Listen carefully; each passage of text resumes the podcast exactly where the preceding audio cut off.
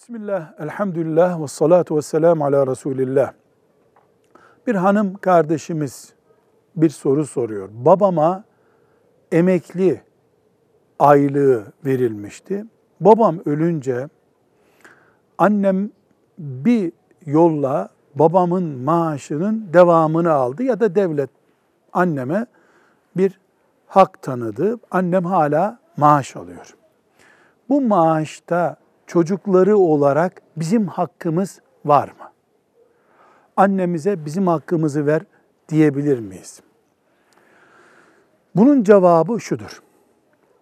Annenize babanız öldükten sonra maaş takdir eden mesela emekli kurumu, emekli sandığı, SGK neyse bu parayı kime veriyorsa ve neden veriyorsa o para onundur.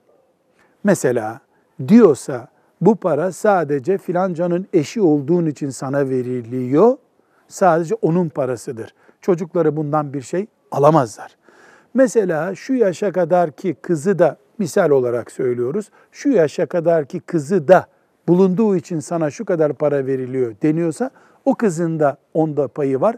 Diğer çocukların, diğer mirasçıların o emekli aylığında bir hakkı olamaz. Kurum kim adına ve hangi maksatla veriyorsa onlar hak sahibi olurlar. Bir kişi ise bir kişi, üç kişi ise üç kişi. Velhamdülillahi Rabbil Alemin.